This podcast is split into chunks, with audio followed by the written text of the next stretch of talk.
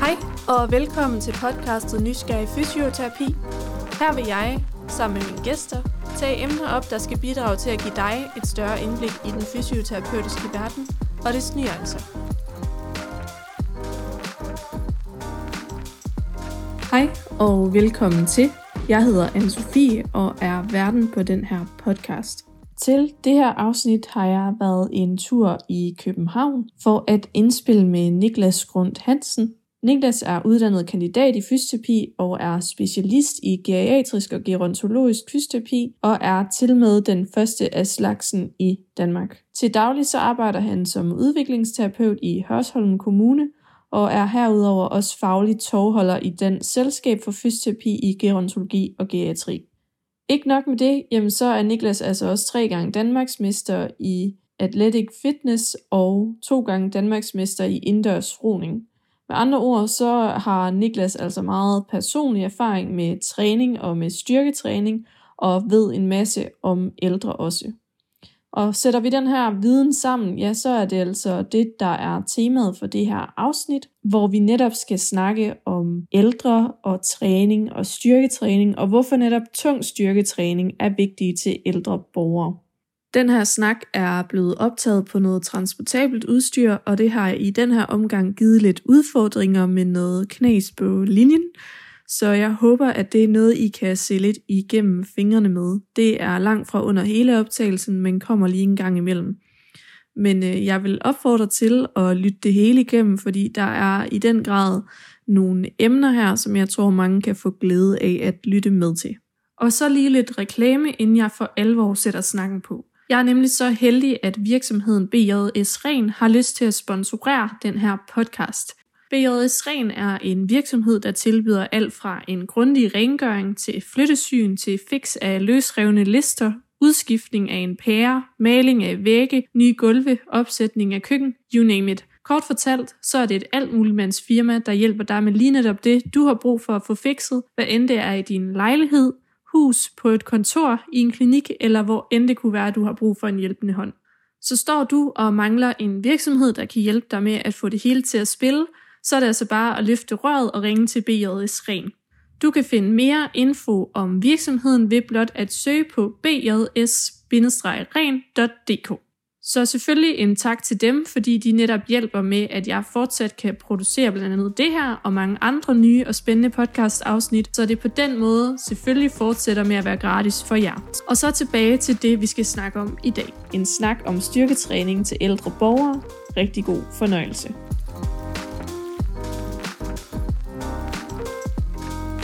Jeg har i dag taget øh, udstyret med til København, og vi befinder os lige nu på CBS, og jeg har Niklas med. Vi har fundet et lille lokale, vi sidder og snakker i.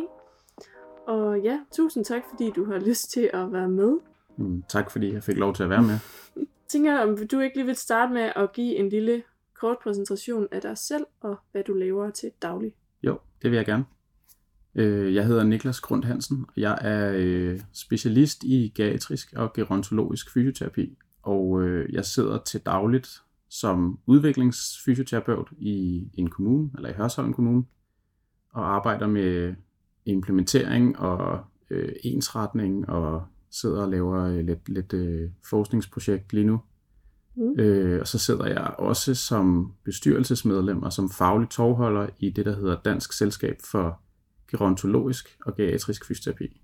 Mm. Nej, det hedder det ikke. Det hedder Dansk Selskab for Fysioterapi i Gerontologi og Geriatri. Okay, den er, er heller ikke helt nem at sige. Nej, det er ikke mundret. Nej. Og min, øh, det jeg er specialist i hedder heller ikke det samme som det faglige selskab, så den Nej. er nem at kløde af. Ja. Øh, men der sidder jeg som faglig tovholder og er med til sådan at arbejde med faglighed i fysioterapi og udpegninger igennem Sundhedsstyrelsen og svare på nogle faglige spørgsmål og sådan noget til danske fysioterapeuter og Dansk Selskab for Fysioterapi. Mm. Spændende. Hvad, hvad har fået dig til at komme på sporet af, af det, du lever i dag? Jeg tror, at måske ligesom mange andre også vil fortælle, øh, der hvor man havner, at det nok mest er opstået ved et tilfælde. Mm. Øh, fordi jeg startede egentlig med at ville være sportsfysioterapeut. Mm. Og da jeg fik mit første job i en kommune, der gjorde jeg det egentlig, fordi at så kunne jeg sidde i øh, en, en stilling og tage en masse kurser øh, ved siden af mit arbejde og, og bygge mit CV op, og så kunne jeg blive sportsfysioterapeut. Øh, og hen ad vejen, der havde jeg en, en, øh, en leder, der skubbede lidt til mig øh, og sendte mig på en hel masse kurser i inden for alt muligt med ældre mennesker. Okay. Øh, og øh, altså det synes jeg da også, det var meget sjovt, men, Ja. men altså, det var ikke rigtigt det, jeg ville. Nej. Øh, og det udviklede sig sådan hen ad vejen til, øh, mens jeg arbejdede, der gik jeg også på kandidaten i fysioterapi. Mm. Der faldt jeg bare over en hel masse ting, øh, hvor jeg fandt nogle ligheder imellem elitesport og, og geriatri, hvor de havde implementeret alle mulige ting fra elitesporten over i geriatrien.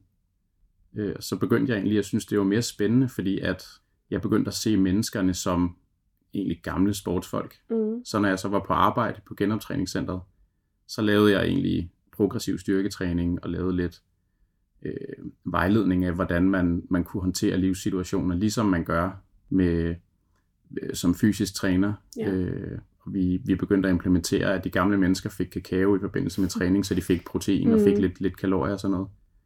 Øh, altså, på lige fod, som med de gjorde i, øh, i Team Danmark. Ja. Øh, og det viste, at eller, det så ud som om, at, at de kunne blive afsluttet hurtigere, og de fik bedre resultater, de gamle mennesker. Øh, jeg genoptrænede, så, så skrev jeg min, min kandidatafhandling omkring sarkopeni, Mm. øhm, og blev inviteret til at tale til, til fagkongressen omkring det. Og så har det egentlig bare ja, gået Kørt den retning, kan man sige. Ja, så Ja. bare kørt derudad og blevet inviteret ind øh, og holde oplæg i, i øh, det geriatriske selskab i fysioterapi. Mm. Og holde nogle temadage, og så, så er det egentlig bare gået den vej. Ja. Og altså, jeg synes stadigvæk, det er, det er spændende. Heldigvis, så, så tror jeg, at når man kommer mere og mere ind i et område, så bliver det mere og mere spændende. Mm. Øhm, men, men det er jo sådan, min, min vej derind var ikke fordi, at jeg brændte specielt meget for at arbejde med gamle mennesker. Det var egentlig fordi, jeg brændte for at optimere træningen hos Ja. i forvejen meget stærke eller meget fitte atleter, og jeg så bare faldt over, at det kunne man også gøre hos gamle mennesker. Mm. Ja, Øhm, så nogle kurser, der egentlig var sådan fra noget, din leder gerne ville have, du tog, det blev lige pludselig til noget, du egentlig selv fik en stor interesse for. Og man kan sige, at det har også hjulpet mig på den, på den lange bane, kan man sige. Fordi at jeg så var færdig på universitetet og begyndte at, at gå mere op i det her øh, geriatri, og jeg begyndte at overveje, om jeg skulle søge en specialisttitel i fysioterapi, der havde jeg allerede en hel masse kurser, øh, der, øh, der handlede om ældre mennesker, eller geriatri, eller Ja. ja. gerontologi. Øh, så jeg var jo rigtig langt i forhold til at have de her ekstra kurser, man skal have for at kunne blive specialist. Mm. Øhm, så man kan sige, at jeg er jo blevet skubbet i den retning, uden at vide det Ja, øh, fra flere fronter. det var meget dejligt. Ja, ja, ja det, det er meget sjovt. Eller Ja. heldigt, kan man sige. Ja, det taler igen ind i noget af det, vi også har omtalt i nogle af de andre afsnit, at man godt kan lande i noget, som man måske egentlig ikke havde forestillet sig, og så fordi man får en større viden der, så kommer interessen også lidt som en, en følge deraf. Ja, lige præcis. Det er det, dejligt. det, det er også sådan, jeg føler, jeg har det med, Mm. med geriatrien, vil jeg sige. Ja. Og altså, nu synes jeg, det er super spændende, fordi at når man, når man så virkelig nørder ind i det og, og kigger på, hvad sker der så i fysiologien hos Mm. ældre mennesker? Altså, hvordan adskiller den sig fra yngre mennesker, og hvor- hvordan er den sammenlignelig? Ja. Øh, så, så bliver det rigtig spændende. Mm. Så øh, lige for sådan at opremse, du, fra du bliver nyuddannet til hvor du er i dag, hvordan har din vej så været? Jamen, altså jeg fik, da jeg havde, jeg var lige hurtigt ind over psykiatrien, men ellers så fik jeg jo rimelig hurtigt et job på et kommunalt genoptræningscenter, mm. Som jeg egentlig arbejdede på i, i 8 år. Efter, efter halvandet år gik jeg på deltid, og så tog en, en kandidat på fuld tid i Odense, øh, og blev færdig der i, jeg blev færdig som fysioterapeut i 13, og blev Mm. færdig på kandidaten i 16, og så blev jeg ved med at arbejde på det kommunale genoptræningscenter som fysioterapeut i en periode. Øh, så havde jeg en periode, hvor jeg var klinisk underviser i fysioterapi. Mm. Øhm, og fandt egentlig ud af, at, at det var ikke rigtigt det, jeg brændte for. Nej. Øh, jeg kan godt lide sådan at optimere på ting og øh, strukturere ting, så jeg skiftede til en, en, en rolle som udviklingsterapeut. Ja. Som deltidsudviklingsterapeut og deltid i driften. Øhm, så jeg stadigvæk har haft en fod i praksis, og det har jeg egentlig, øh, det har jeg egentlig stadig den dag i dag. Mm. Øhm, men efter, efter universitetet har det været mere sådan med, både øh, at udvikle en drift, men også efter jeg er blevet medlem af, af Dansk Selskab for Fysioterapi, Gerontologi og Geriatri, så har det også været at prøve at brede det ud øh, til fysioterapeuter uden for min egen kommune, altså ja. i, i hele landet, eller det omfang, jeg sådan kan, kan nå dem. Mm. Øh, ja. ja. Der blev jeg medlem i bestyrelsen i 2019, tror jeg. Øh, og har været det lige siden. Har været øh, faglig tovholder der. Okay. Øhm, ja, og i 2020, lige omkring samtidig med corona kom, mm. der sendte jeg en ansøgning om at kunne blive godkendt som specialist i fysioterapi. Ja. Øhm, og det tror jeg, det er måske ikke en titel, som alle kender. Nej, jeg skulle øhm. faktisk lige til at spørge, om du sådan vil forklare, hvad, hvad, hvad indebærer det at, at være specialist, eller hvad kræver det at blive det? Ja, men altså man kan jo blive akkrediteret i to niveauer, så man kan blive certificeret kliniker, og man kan blive specialist. Mm. Og det at blive øh, øh, i begge dele forudsætter, at man har nogle års erfaring mm. inden for specialet. Jeg mener, det er tre års øh, specifik erfaring i det speciale. Okay. Så skal man have noget efteruddannelse, og altså det kan jo være alle mulige kurser, men det skal svare til, at man skal kunne omregne det til nogle ECTS. Ja. Øh, så det svarer til et, et halvt årsværk i fuldtidsstudie cirka. Ja, okay. Øh, så skal man have supervision på sin praksis. Mm. Det vil sige, det er ikke vejledning, men øh, supervision som metode. Ja. Øh, altså sådan ligesom en form for faglig coaching. Mm. Øhm, og der mener jeg, at det hedder 20 timer for en certificeret kliniker og 30 timer for en specialist. Og hvis man så skal være specialist, så skal man også have en akademisk overbygning, så enten en master, kandidat eller Ph.D. Okay, ja. Øhm, så har man så retten til at kalde sig, eller jeg har retten til mm. at kalde mig specialist i geriatrisk og gerontologisk fysioterapi. Og det kan man jo blive inden for alle øh, de faglige selskaber, så mm. man kan jo mm. blive det inden for sportsfysioterapi eller neurologisk fysioterapi, eller hvilket speciale man nu arbejder ja. inden for og har specialiseret sig ja. Findes der mange specialister inden for dit område? Øh, vi er to i Danmark. Okay. Så øh, vi er ikke så mange, der Nej. er specialister i, i ældre mennesker. Nej, det kan man ikke sige. Nej. Jeg mener, som det ser ud lige nu, der er vi, øh, at to specialister er vi, og så tror jeg, at vi er to eller tre certificerede klinikere, ja. øhm, som er det, det første niveau, så det vil sige dem uden en, en master, men som har ja. en hel masse kurser også. Øhm, så, så der er ikke så mange, der, der har valgt at gå den vej inden for geriatri. Der er mange inden for for eksempel sportsfysioterapi, ja. eller ja, det kunne jeg godt nogle af de, mig. Ja. nogle af de andre faglige selskaber mm. har en del. Så der er rum til nogle flere. Det er der. Ja, det kan man jo lige skrive sig bag i øret, så. Ja. Hvordan ser en sådan typisk arbejdsuge ud for dig? Er det sådan, ligger det fast, eller er det meget varierende så?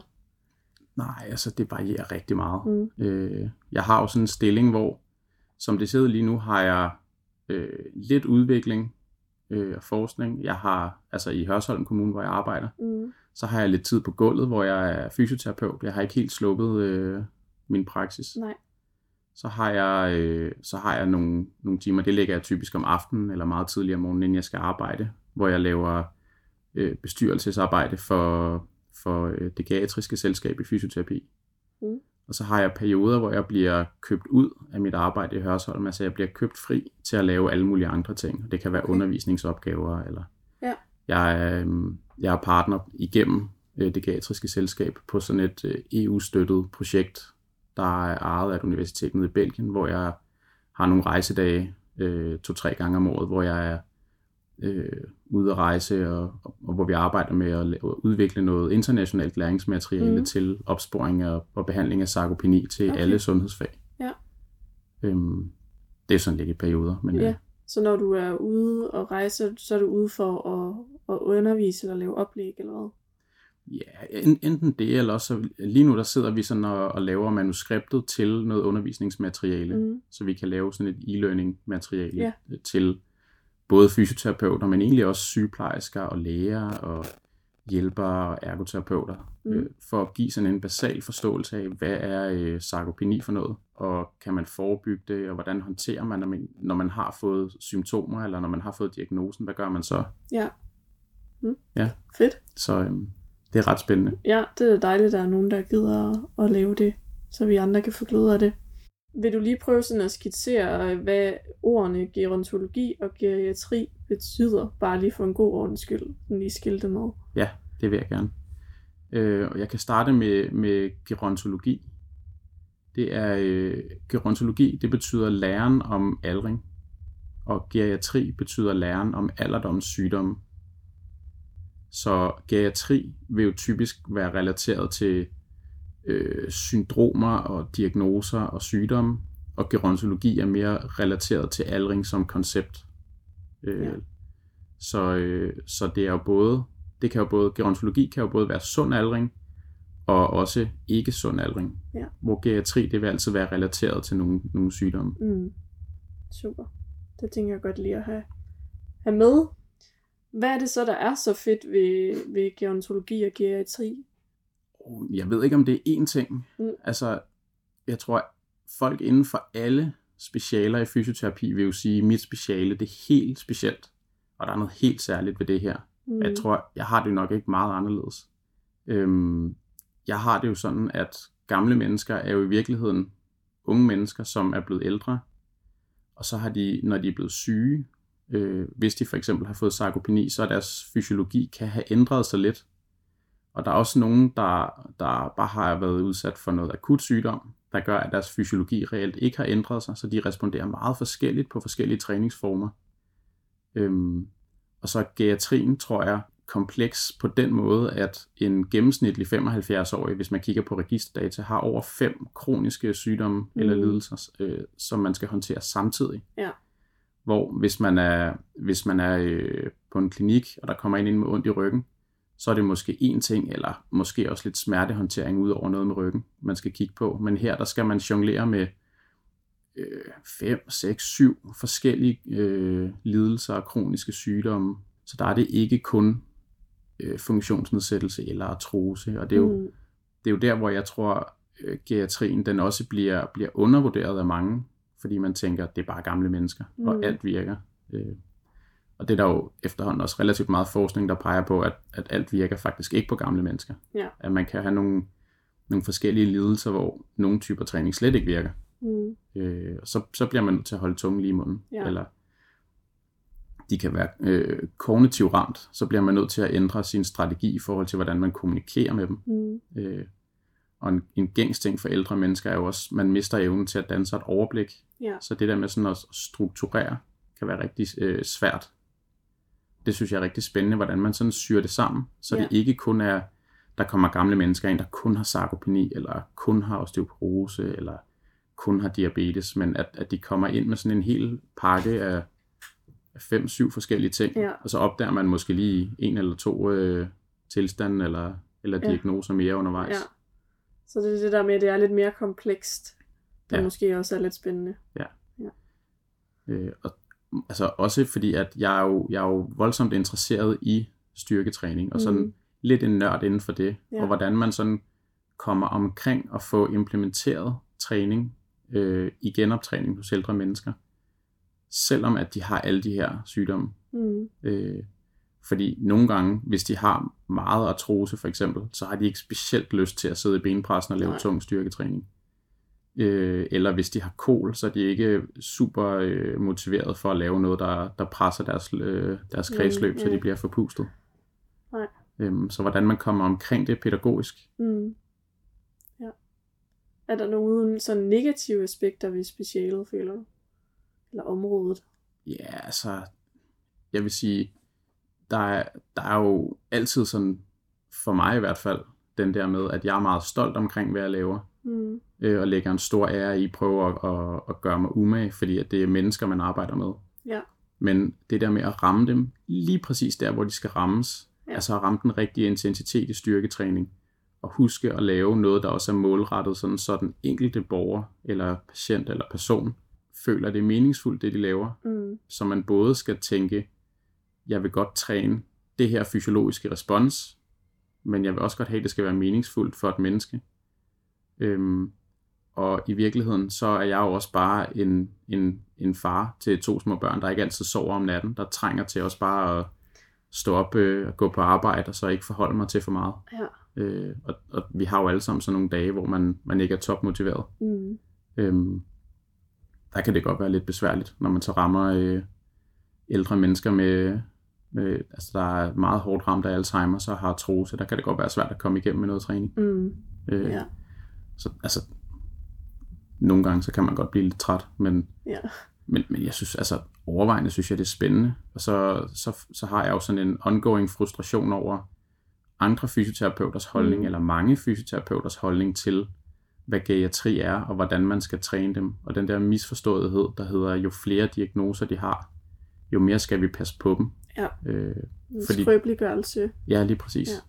Ja. Øh, og det er jo noget, vi som, som fag generelt har et problem omkring, øh, synes jeg, jeg oplever, at hvis man fejler mange ting, så er vi bange for at overbelaste folk, og så bliver træningen måske så lidt intens, altså at konditionstræning vil ikke forbedre konditionen, og styrketræning vil ikke forbedre styrken, mm. Så laver man bare noget bevægelse, og så ja. får de reelt ikke noget ud af det, øh, fordi vi er bange for at overbelaste de her stakkels gamle mennesker. At den her misforståede empati øh, godt kan være sådan lidt en, en, en hemsko. Ja. ja, så begrænsningen kan måske i virkeligheden være ved fysioterapeuterne og ikke ved borgerne selv. Det er i hvert fald lige så høj grad Ja. i, øh, hos fysioterapeuterne. Altså mm. vores opgave som, som terapeuter, som jeg ser, det er jo også at, at klæde, klæde de ældre mennesker på til at vide, hvad skal der til, hvis jeg skal have en effekt, og uddanne dem i. Hvis du skal lave kredsløbstræning, så skal du virkelig være forpustet, og hvis Ja. du skal lave styrketræning, så må det godt genere din artrose lidt. Mm. Øh, det er ikke fordi, det ikke må gøre ondt. Og du skal være øm i musklerne dagen efter. Øh, og som, som terapeut vil jeg jo gerne, eller som et empatisk menneske også, vil jeg jo gerne gøre noget godt for andre mennesker. Så jeg skal jo, jeg skal jo have en, en faglig selvsikkerhed øh, omkring, at det jeg gør, selvom det er ubehageligt, så vil det på sigt opveje det ubehag, som de står i lige nu, når jeg udsætter dem for noget tung styrketræning, eller laver intervaller med dem, eller, Ja. eller andre ting, der er ubehagelige. Mm.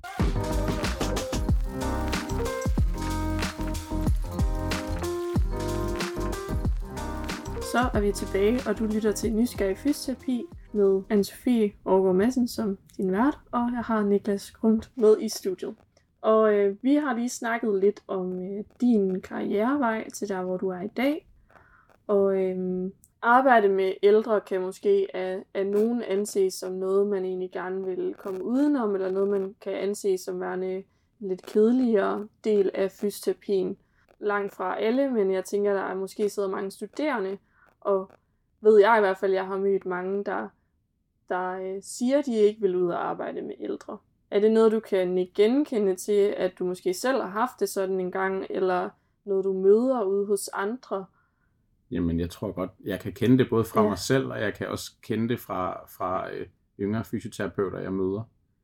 Og jeg vil sige, noget, noget af det, der, der gør det for mig, er også, når jeg har arbejdet med sportsfolk øh, som fysisk træner, så jagter man øh, 1% eller en halv procent, eller måske 2%, hvis det går rigtig godt, forbedring over en sæson på et eller andet fysisk parameter. Hvor med ældre mennesker, der kan du på et genoptræningsforløb på 8-12 uger, så kan du måske fordoble eller, eller endnu mere mm. end fordoble deres, øh, deres styrke eller deres, øh, deres kondition.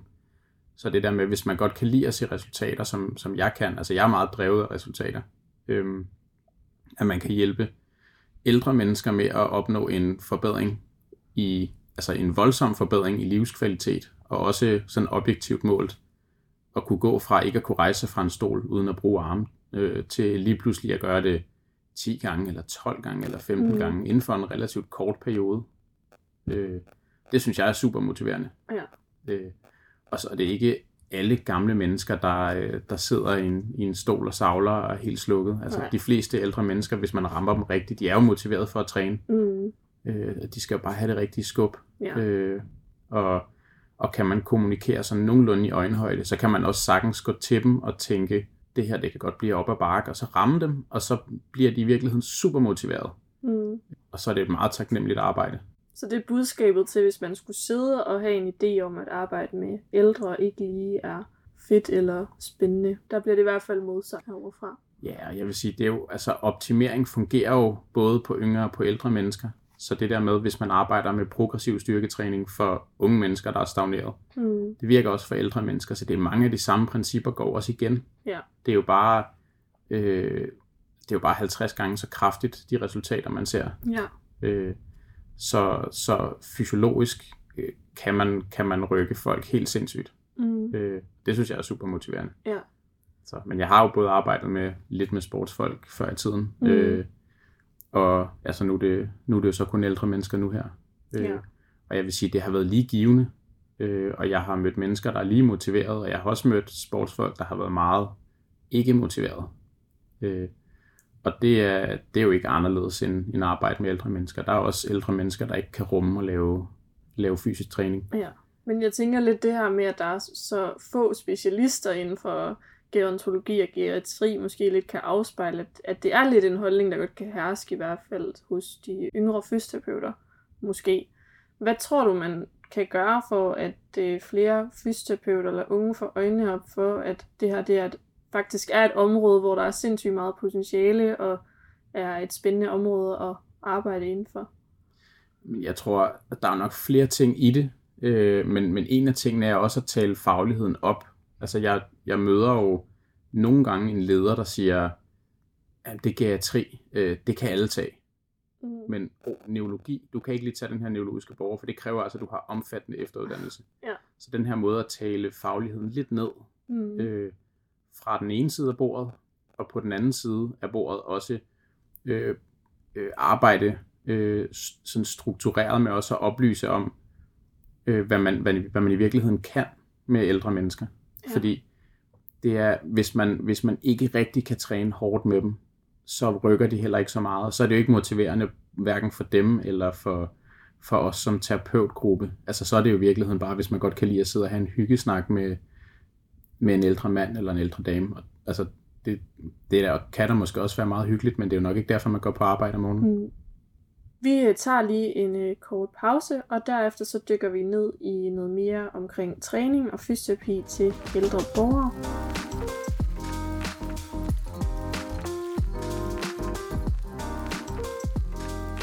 Så er vi tilbage, og vi skal dykke lidt mere ned i træning og styrketræning til ældre borgere. Og jeg tænker, at vi måske lige skal prøve at sætte det lidt i kontekst først, før vi går mere ind i snakken. Og øhm, jeg tænker, at vi kan gøre det i form af at snakke om det her med, at man med stigende alder vil der jo ske de her nogle aldersrelaterede fysiologiske ændringer.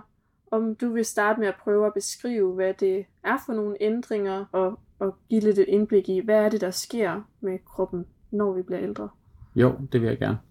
Hvis vi starter i, øh, i den anden ende af spektret, altså hos, øh, hos unge, meget aktive mennesker, så kan man se hos øh, elitesportsfolk, at øh, sådan noget som, som i eksplosive sportsgrene, altså sprinteren i Tour de France eller fodboldspilleren, at når de runder 30, så har de rigtig svært ved at følge med de andre. Øh, og når de er midt i 30'erne, så er langt de fleste af dem gået på pension. Og det er jo egentlig fordi, at når vi bliver ældre, så mister vi lidt evnen til at arbejde eksplosivt. Og det starter jo allerede i 20'erne og udvikler sig over nogle årtier, før vi de fleste af os lægger mærke til det. Mm. Vi taber vores evne til at, at aktivere de eksplosive muskelfibre, og over tid, når vi så kommer op i årene, hvis vi ikke øh, stimulerer dem, så vil, de, øh, så vil vi tabe de her øh, fast twitch muskelfibre, altså dem, der arbejder eksplosivt og, og de stærke, øh, kan man sige, de kraftanstrengelserne. Øh, og det vil gøre, at, øh, at vi vil have svært ved at udvikle øh, eller arbejde anaerobt og, og udvikle eksplosiv kraft. Og vores fast twitch muskelfibre er også dem, der, der hypertroferer, når man laver styrketræning for eksempel. Så potentialet for at få større muskler bliver dårligere. Så på sigt, så vil man, så vil man have tabt så meget af det, så man, man har en lav muskelmasse, og man vil også have en lav muskelstyrke. Og kommer man under en vis tærskel, så, så har man det, vi kalder sarkopeni, som mm. er defineret ved lav muskelstyrke, lav muskelmasse, og måske også lav muskelfunktion, som for eksempel gangfunktion. Ja. Og du siger her i starten, at man vil, vi vil miste evnen til at aktivere de her fibre.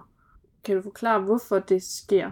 Jeg tror, at altså, hvorfor det sker, det er, det er rigtig mange øh, årsager, der kan bidrage oven i hinanden. Mm. Så det, kan, altså, det er jo både, at inflammation vil, vil give nogle skader, øh, når vores, vores DNA regenererer eller muterer. Mm. Så er der nogle af vores celler, der vil dø.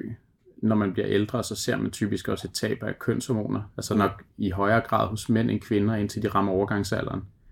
Men der er rigtig mange sådan nogle små faktorer, der gør, at, at vi vil tabe lidt muskelmasse eller lidt muskelstyrke, og vi vil have øh, lidt nemmere ved, ja, at det i virkeligheden vil være lidt sværere bare at holde sig i gang øh, og træne rigtig hårdt. Mm. Evnen til sådan virkelig at grave dybt, når man træner, eller lysten til det. Ja.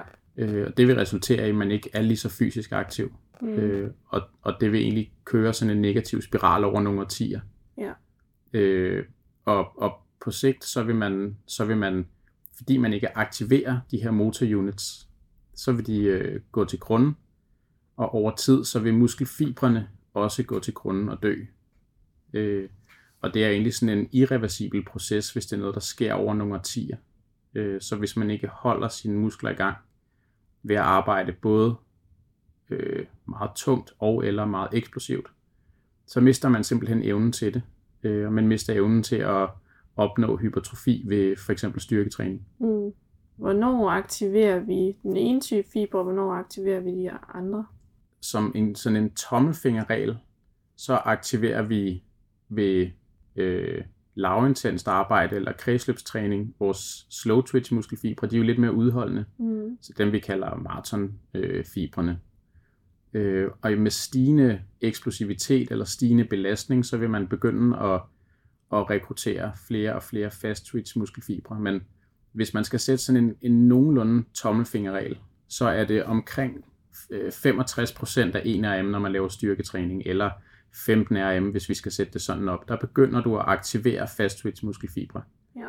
Så hvis man træner ved en belastning, der svarer til øh, ens 20 RM, hvis man nu laver 3 gange 10 styrketræning, mm. og man rent fysisk var i stand til at tage 20 gentagelser, så vil man øh, overhovedet ikke rekruttere fast twitch muskelfibre. Øh, og så træner man jo per definition ikke rekruttering af fast twitch muskelfibre, man, træner, man aktiverer heller ikke de her motor units, mm. øh, så man holder dem ikke levende. Nej. Ja, og det er jo så et problem, når du siger, at det er de her fast twitch fibre, vi blandt andet mister med alderen, eller som, hvad hedder det, degenererer. Ja. Ja. Ja, ja altså, altså basalt set kan vi jo godt sige, at de dør. Mm. Øh, at der, Ja. der opstår noget celledød. Og det gør jo også, at ældre mennesker mister evnen til at øh, sådan noget som at gå på trapper, eller bære tunge indkøb, ja. eller øh, flytte møbler, hvis de skal gøre rent og sådan Ja. noget. Øh, og det, det starter jo egentlig bare sådan en negativ spiral. Så hvis man ikke længere løfter sofaen, fordi det er for hårdt, så belaster man lidt mindre, og så undgår man det. Så bliver man lidt svagere, så lige pludselig Mm. så kan man heller ikke løfte støvsugeren op på den anden etage. Øhm, så går man mindre på trapper, så det bliver sådan en negativ spiral, der Ja. bare fører til mere og mere inaktivitet og mindre og mindre rekruttering af, af, øh, af de her muskelfibre, vi godt vil prøve at holde levende. Ja. Sarkopeni er jo så en tilstand, du har stiftet meget bekendtskab med, og du har også skrevet en artikel om det, der blandt andet omhandler det her med definitionen af sarkopeni.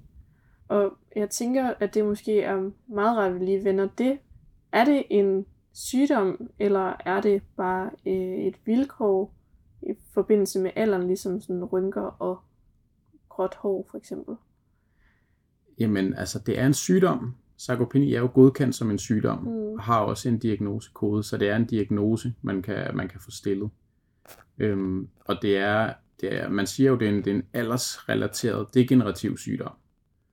Øh, og man kan måske på den måde sidestille den en lille smule med osteoporose, eller en, en vis grad også diabetes, at det er en sygdom, som der er flere, der får med alderen, så der er stigende forekomst. Altså en gennemsnitlig 80-årig befolkning, der er cirka halvdelen af befolkningen i et eller andet omfang påvirket af enten præsarkopeni, sarkopeni eller svær sarkopeni. Mm. Øhm, men i virkeligheden så er det så er det ikke relateret, eller så er det ikke forårsaget af, af alder i sig selv, men nok mere af inaktivitet. Ja. Øh, Så man kan jo se, at, at ældre mennesker, som kan leve op til Sundhedsstyrelsens gamle anbefalinger om fysisk aktivitet, altså Mhm. at de kan hver dag kan være fysisk aktive og være lidt forpustet i 30 minutter, det vil reducere forekomsten af sarkopeni med sådan noget, der ligner 85 procent. Okay. Øhm, og det er uden at kigge på, øh, på andre livsstilsfaktorer, som, Ja. som kost og søvn og alkohol og sådan noget. Det er meget. Det er rigtig meget. Ja. Øhm, Så jeg tror, vi skal i højere grad nok se det som øh, enten øh, sygdomsudløst, for det er den ene måde, man kan få sarkopeni på. Det er jo, hvis Mm. man er syg og taber noget muskelmasse, eller hvis man er inaktiv Ja. øh, og taber noget muskelmasse. Og forskellen på de to typer af sarkopeni kan være, at hvis det er udløst af inaktivitet, så vil du over nogle årtier måske have tabt nogle, nogle fast muskelfibre og nogle motorunits. Så vil det faktisk være irreversibelt. Altså så kan du ikke genopleve de her fibre igen. Okay. Hvor hvis det er udløst af akut sygdom, og du ikke har været ramt af det så forfærdeligt længe, så kan du med træning øh, få din styrke og en, en vis grad af de her muskelfibre vækket igen. Ja. Øhm, hvilket også øh, er, er en af årsagerne til, at det er rigtig vigtigt at, at holde sig i gang, når man er syg, og lave Mhm. noget.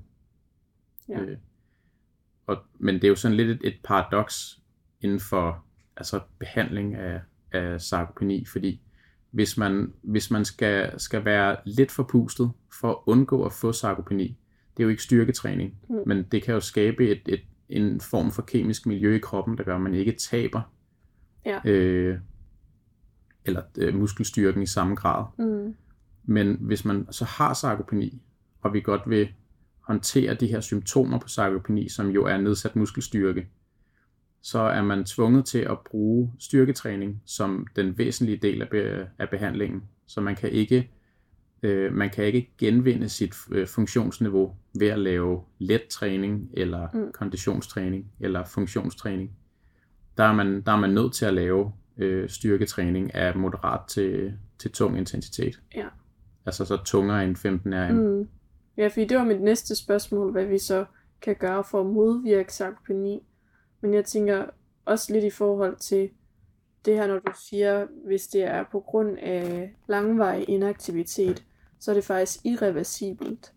Hvad er tilgangen så der, eller hvad vil den bedste måde at gå, altså modvirke sarkoni på der, hvis det er irreversibelt? Er det så bare at, at forsøge på at bibeholde dem, der nu er tilbage?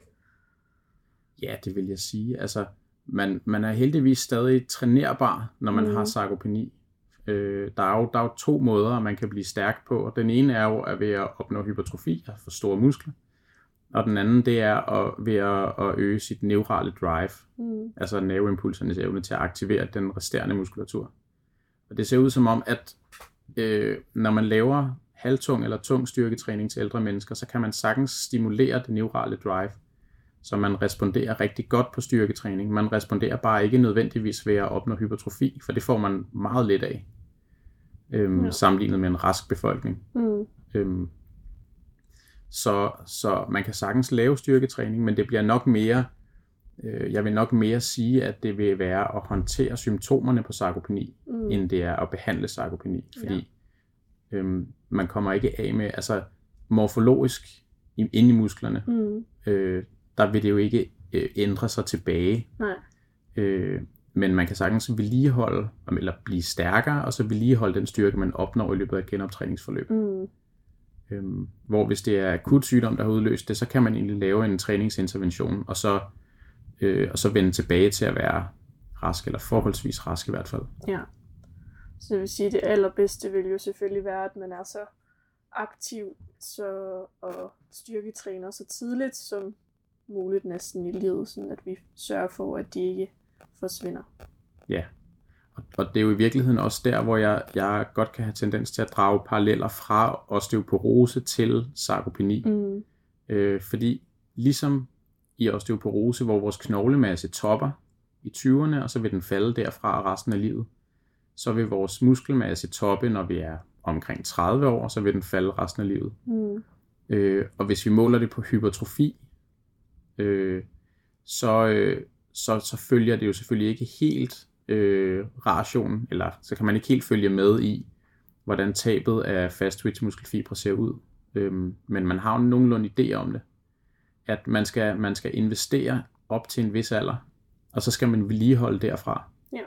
Øhm, og hvis man bliver gammel nok, så, så skal du nok få osteoporose. Jeg tror også, hvis du bliver gammel nok, så skal du også nok få sarkopeni, men om det er, når du er, om du er 60, eller om du er 80, eller om du er 120 år gammel, Ja. øh, så kan man med fysisk aktivitet bremse udviklingen af sarkopeni, Mm. øh, eller stoppe udviklingen, hvis, Ja. man, hvis man gør det godt. Der er jo, Mm. der er jo studier på, på øh, italienske ultraløbere, der viser, at en 70-årig mand, der løber 100 km om ugen, i gennemsnit vil have en, en muskelstyrke på hele kropsniveau, der er sammenlignelig med en mand, der er 30 år yngre, så hans fysiologiske alder vil være 40. Ja. Øh, og det er uden at lave specielt meget styrketræning. Mm. Det er egentlig bare ved at løbe rigtig meget og være meget fysisk aktiv. Ja. Øh, så, så heldigvis så skal man bare være fysisk aktiv. Øh, styrketræning er rigtig godt for mere end, end kun at forebygge sarkopeni. Så Mm. Øh, altså det vil jeg selvfølgelig altid anbefale, at man, Ja. ja. man krydder sin træning med. Mm. Men hvis man ikke kan lide det, så er der også andre veje omkring det. I hvert fald op til man når en vis alder. Hvor kommer fysioterapeuter så ind i billedet i forbindelse med det her med sarkopeni og styrketræning, træning generelt? Jamen, man kan sige, jeg ser jo fysioterapeutens rolle som nok en af de vigtigste, fordi at når man skal for det første diagnostisere sarkopeni, så er den første test, vi laver, det er en test for muskelstyrke.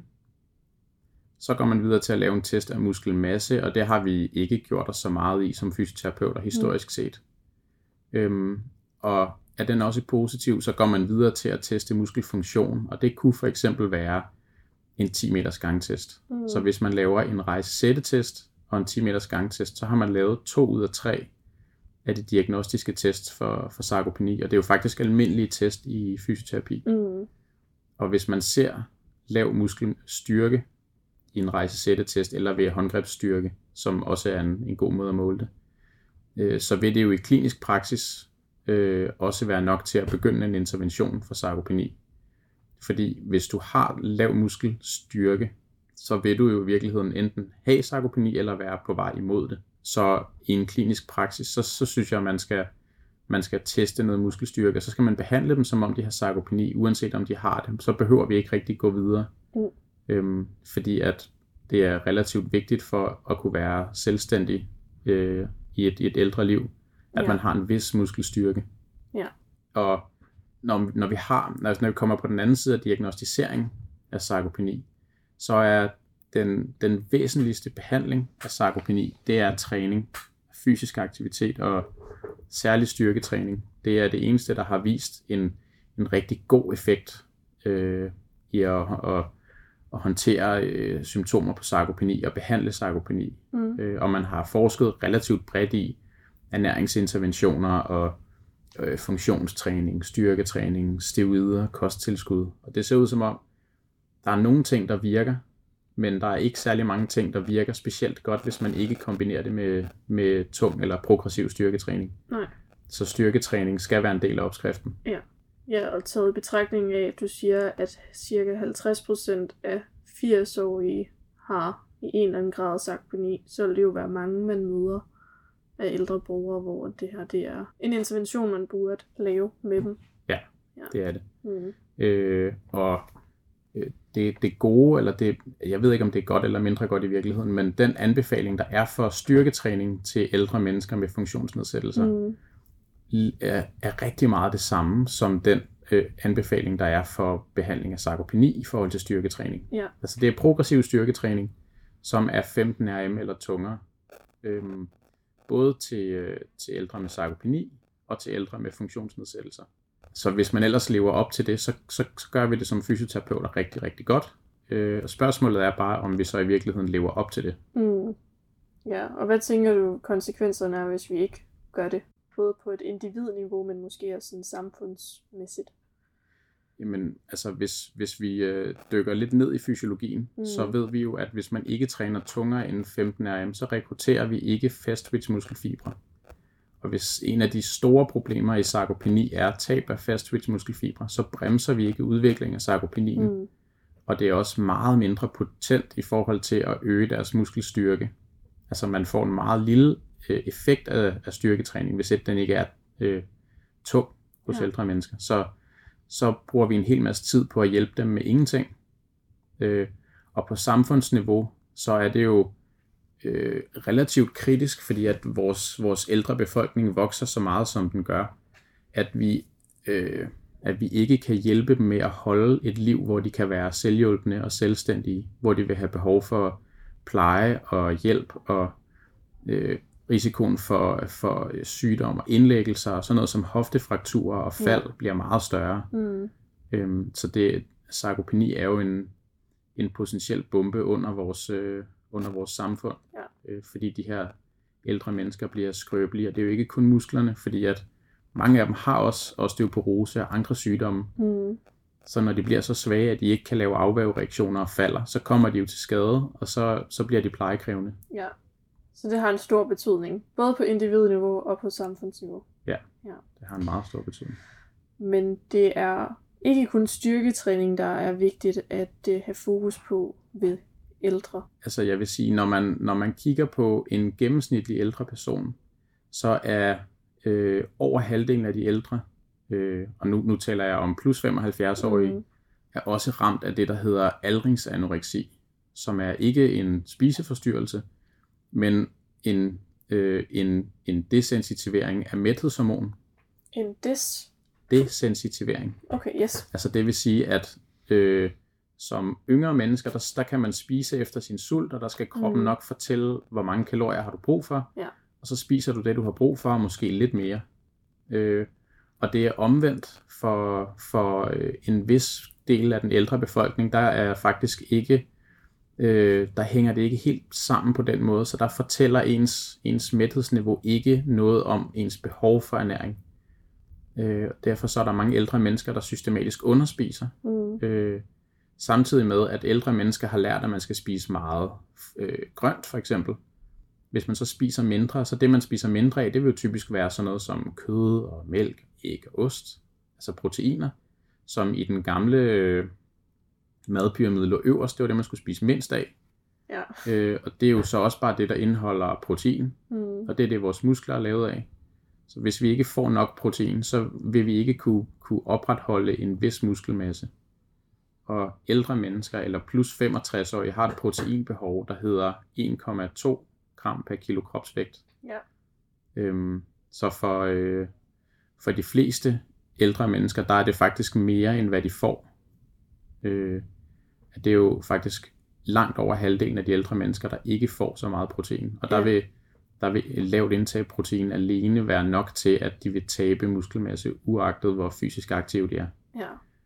Øh, Så det er jo ret vigtigt, at man, man kan kombinere en fornuftig kost med den rigtige træning. Ja. Ja.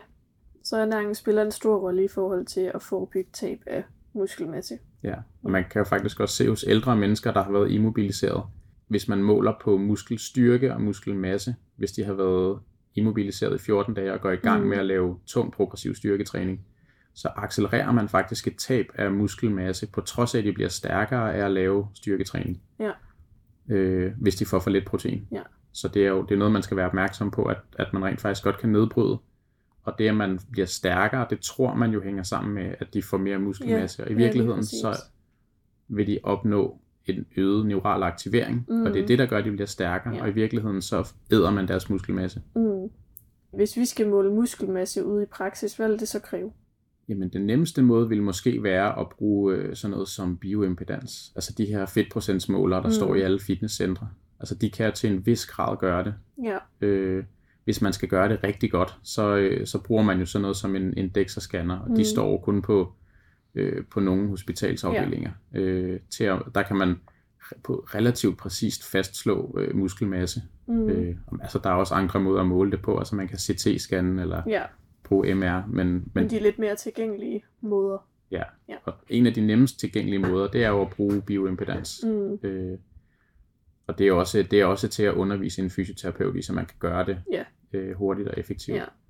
Altså det vil sige, at hvis vi sådan gerne skal kunne få den bedste indikator på, om vi egentlig øh, vores træning virker, eller om der er noget ernæring, der påvirker træningen, eller modvirkelsen af sarkoni, eller tab af muskelmasse, så vil det egentlig være bedst, at vi også gør brug af et remedie, der kan måle muskelmassen. Eller hvad? Ja, altså hvis de har sarkopeni, så kan vi ikke regne med, at de, øh, at de responderer særlig godt på styrketræning. Så det vi skal holde øje med er nok mere om, de, at de ikke taber muskelmasse. Ja.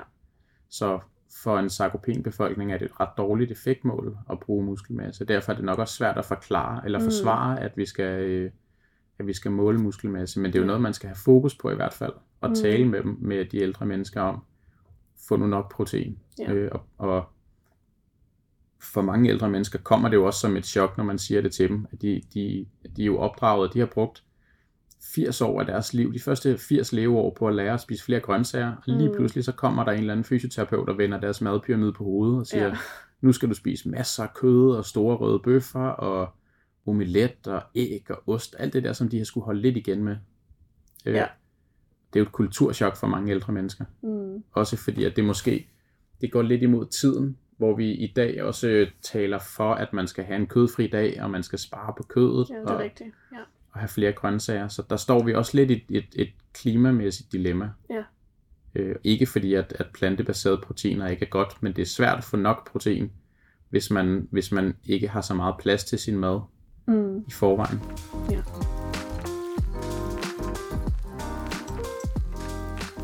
Så det her det er måske et lidt øh, ledende spørgsmål, men øh, kan ældre mere, end vi tror, de kan?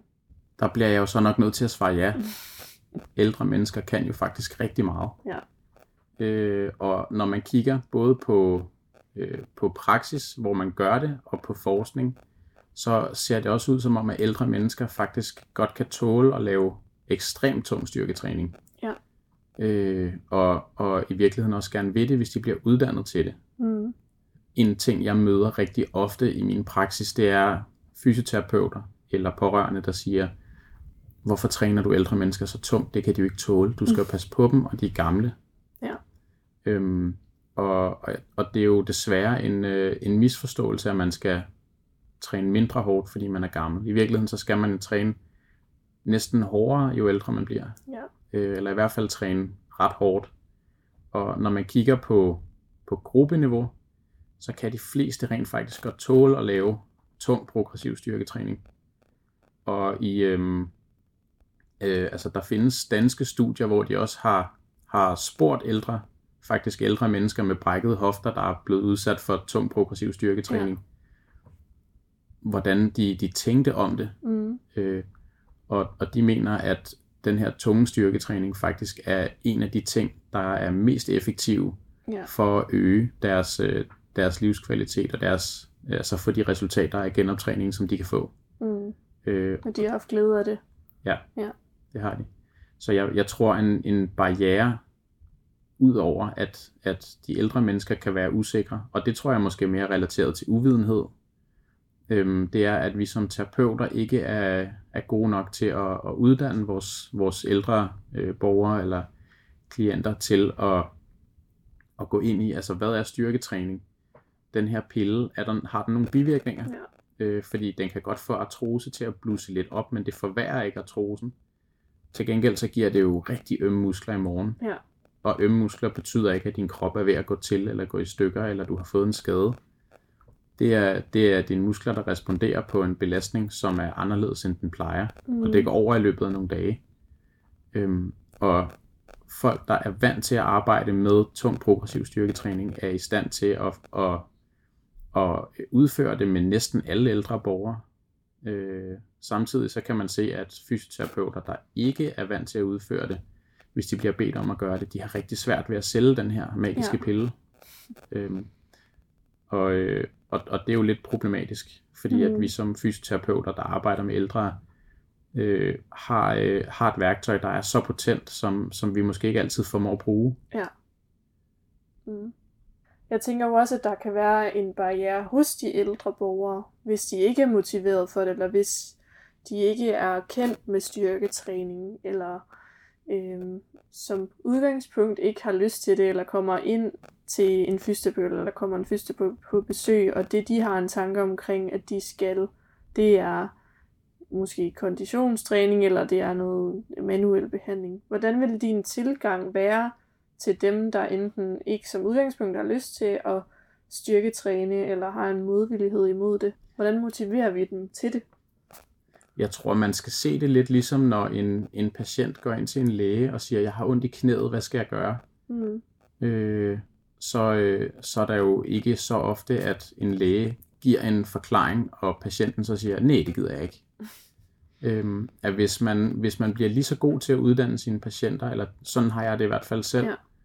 og, og sige, vi kan, vi kan gribe det her an på forskellige måder, men hvis du skal have den største effekt af den, din genoptræning, hvis du gerne vil kunne, kunne øh, gå uden rollator, hvis du gerne vil kunne gå op ad trapper igen, og hvis du godt vil kunne rejse dig fra en stol uden, uden hjælp fra armene, så, øh, så bliver vi nødt til at lave noget, noget halvtung eller noget progressiv styrketræning. Ja. Øhm, vi kan også godt lave det lettere. Det vil bare ikke, nok ikke nødvendigvis have nogen effekt. Øh, og personligt vil jeg nok anbefale, at hvis du ikke vil træne tung styrketræning, så kan du lige så godt lade være med at lave styrketræning. Så kan du øve dig på de funktioner, du har svært ved. Altså som, som teknisk træning, Mm. øh, bevægestrategier og sådan noget. Ja. Det vil ikke gøre dig stærkere, men der kan man arbejde specifikt med at lære de her ting, du har svært ved, Ja. og så kigge på bevægestrategier. Og der tænker du sådan noget som at rejse og sætte sig fra en stol, gangtræning, trappetgang eller hvad? Ja, lige Ja. præcis. Altså kan man træne og komme op ad trappen og lave nogle strategier for, at øh, hvordan får jeg lige øh, inkorporeret en pause på det første plateau, Mm. selvom jeg først føler, at jeg bliver træt på det andet plateau, eller Ja. øh, hvordan kan man aktivt øh, blive mere effektiv i, i, hvordan man går på trapper, eller Mm. hvordan man kan, kan gå med sin rollator øh, og, og holde pausen, inden man bliver træt, så den samlede gangdistance kan blive længere. Øh, men hvis man ikke vil arbejde med øh, konkret styrketræning eller konkret VO2 max træning, så, kan, så, så siger videnskaben i hvert fald, at vi kan, ikke, vi kan ikke påvirke den fysiologi særlig meget hos ældre mennesker, hvis vi ikke øh, jagter det ret Mm. specifikt. Så kan vi lige så godt tænke det som et læringsperspektiv, Ja. og så tænke, nu laver vi funktionstræning for funktionerne. Det vil nok øh, give dig en bedre livskvalitet, fordi at de ting, der er besværlige for dig, bliver du bedre til. Det vil ikke gøre dig stærkere, og det ser ud som om, at styrketræning, det, falder, det drøber ligesom af på alle andre funktioner i livet. Ja. At du bliver mere effektiv til at bevæge dig. Så mm. Det bliver du også ved at lave styrketræning. Øhm, men altså, vi har jo nogle alternativer, men at sidde i en benpres og lave træning med 30 RM, det ser faktisk ikke ud som om, det har nogen effekt på, øh, hvis du har sarkopeni Nej, okay. overhovedet. Øhm, så, så, så der vil jeg nok sige, hvis du ikke vil lave den her 10-15 RM tunge styrketræning Mm. i en benpres, så skal du slet ikke sidde i benpressen. Så Nej. går vi over og øver os på noget. Så det jeg hørte dig sige, det er, at hvis vi har nogle borgere, der ikke vil være med til at styrketræne, så er det ikke fordi, vi skal sådan prøve at, at presse det ned over hovedet på dem, men vi skal i hvert fald oplyse dem om, hvad det har betydning, at man ikke gør det kontra, hvis man arbejdede hen imod det, og så kan man lave nogle alternativer, der giver mening for borgeren, hvis det ikke lige er styrketræning, de vil. Ja, eller tung styrketræning, de vil. lige præcis. Ja. Og nu siger du sådan det her med, at sådan en 30 øh, er i min benpres for folk med sarkoni ikke rigtig vil øh, ser ud til ikke at have nogen effekt. Men hvad hvis man bare har øh, er en ældre borger, der ikke umiddelbart er klassificeret som en med sarkopeni, men man har nedsat muskelstyrke? Jamen, hvis, du, hvis man ved, at en ældre øh, borger ikke har sarkopeni, og man laver tung styrketræning, så vil det stadig være væsentligt mere effektivt, end at lave let styrketræning. Ja. Øh, og det er også derfor, at, at de fleste anbefalinger, de siger, at man skal lave tung styrketræning forud for al anden træning, fordi man ved, det påvirker alt andet. Mm. Mm. Øh, så det drøber af på alt, altså bevæge, effektivitet. Øh, man vil også få en øget gangdistance, man vil også få en øget øh, anaerob kapacitet, altså så hvis man skal gå på trapper for eksempel. Øhm, så så, så det, det, øh, en, en gang styrketræning vil, vil gøre dig bedre til rigtig mange ting, hvor let styrketræning har ikke den her effekt. Øh, og det er jo typisk fordi, at når man træner styrketræning let, så har det ikke nær så stor effekt på vores, vores øh, neurale system. Nej. At det vil være mere øh, en, en morfologisk forandring, man ser altså i musklerne, at mm. man vil opnå lidt hypotrofi, og det er det, der gør, at man bliver stærkere. Ja. Men hvis man ikke har fast muskulatur, så, så, så virker det system jo ikke. Mm. For der er ikke nogen muskelfibre, der kan blive større, der gør dig stærkere. Så selvom du ikke har sarkopeni, så vil du med alderen unægteligt have tabt noget af din fastvitsmuskulatur, der gør, at træning, der ikke er tung, det bliver bare mindre og mindre effektivt, jo ældre du bliver, uanset Ja. ja. om du har sarkopeni eller ej. Ja. Øh, Så min, min holdning til, hvordan man skal træne, er egentlig den samme. Mm. Ja. Så kan vi lige prøve at snakke lidt mere ind i, hvordan praktiserer vi så tung træning? Hvad vil det sige at tage, træne tung styrketræning? Men det er jo, det er jo en opskrift, der er svær at give, og der tror jeg også, man som terapeut skal finde sine ben i det. Ja. Øh, personligt at noget af det, jeg gør, når jeg ser en, øh, en patient eller en borger første gang, det er, at jeg sætter dem ind i en benpres. Øh, og nu siger jeg konkret benpres, fordi det skal helst være en flerledsøvelse, så man kan ramme så stor en muskelmasse som muligt. Ja. Øh, men for eksempel en benpres. Og så beder jeg dem om at lave et sæt, og bare tage så mange gentagelser, de overhovedet kan. Ja, så lad være med at sige, tag 10 eller 15 eller 20. Bare sige, tag så mange du overhovedet kan. Med en eller anden given Ja, jeg sætter, sætter en eller anden vægt på. Ja. Og når de så har taget de gentagelser, de skal tage, så vil jeg bruge det som, altså det er jo reelt en RM-test, jeg laver. Så hvis de Mm. laver 30 gentagelser, så ved jeg, at det er for let. Men hvis man ikke er vant til at være fysisk aktiv, så får man virkelig doms dagen efter, altså muskelømhed. Ja. Øh, så, så stopper jeg altså ved efter første sæt, og næste gang jeg ser dem, så prøver vi lige igen, så sætter jeg lidt mere vægt på. Øh, og så måske anden gang, så laver de to sæt, og tredje gang laver de måske tre sæt. Mm. Øh, fordi så kan deres, øh, deres muskler vende sig til at lave styrketræning, så domsene bliver ikke helt så slemme. Øh, samtidig med, at jeg så bruger de første en, to eller tre gange på at spore mig ind på, øhm, Hvilket leje. ja lige præcis, hvor tungt, hvor, Ja. hvor meget vægt skal, skal det, det her menneske så have. Mm. Øh, så der laver jeg reelt en RM-test hver gang. Ja. Og så gør jeg enten det, at jeg beder dem om alle sæt at tage så mange de overhovedet kan. Og hvis de så kan tage 15 gentagelser, så beder jeg dem om at sætte vægten op. Mm. Øh, eller at jeg gør det, at, at de skal tage for eksempel 10 gentagelser, de første to sæt, og det sidste sæt skal de tage så mange gentagelser, de overhovedet kan. Ja. Men at jeg enten i hvert sæt, eller i hvert fald til hver træning, laver en eller anden form for kvalitetssikring af min styrketræning, Mm. sådan så jeg ved, at den er, den er faktisk effektiv. For hvis de bliver stærkere og stærkere, så lige pludselig, hvis, hvis jeg ikke lige øh, er over dem og lader vægten stige og følge med, så træner de så let, Ja. og så, så begynder resultaterne at stagnere. Mm. Så, så vil de ikke udvikle den samme muskelstyrke på sigt. Nej. Men der er mange, der har et billede af, at en RM-test er, er den her test, hvor du finder den vægt, du kan løfte én gang maksimalt.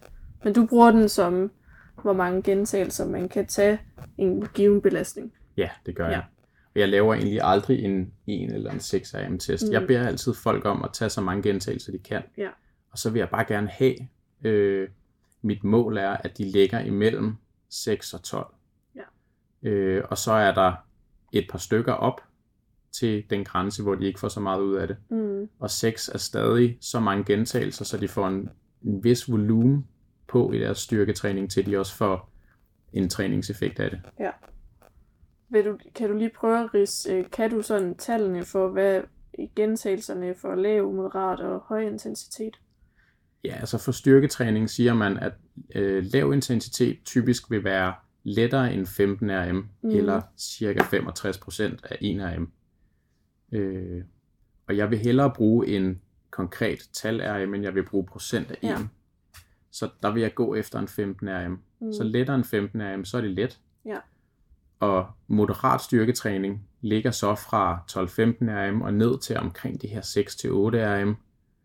Øh, og tung styrketræning, det er så tungere end 6 RM.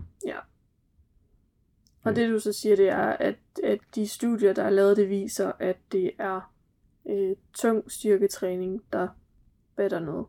Ja, eller i virkeligheden, hvis, hvis man skal være helt skarp, så er det jo øh, moderat til tung. Ja. For moderat styrketræning vil faktisk have den samme effekt som tung styrketræning. Okay.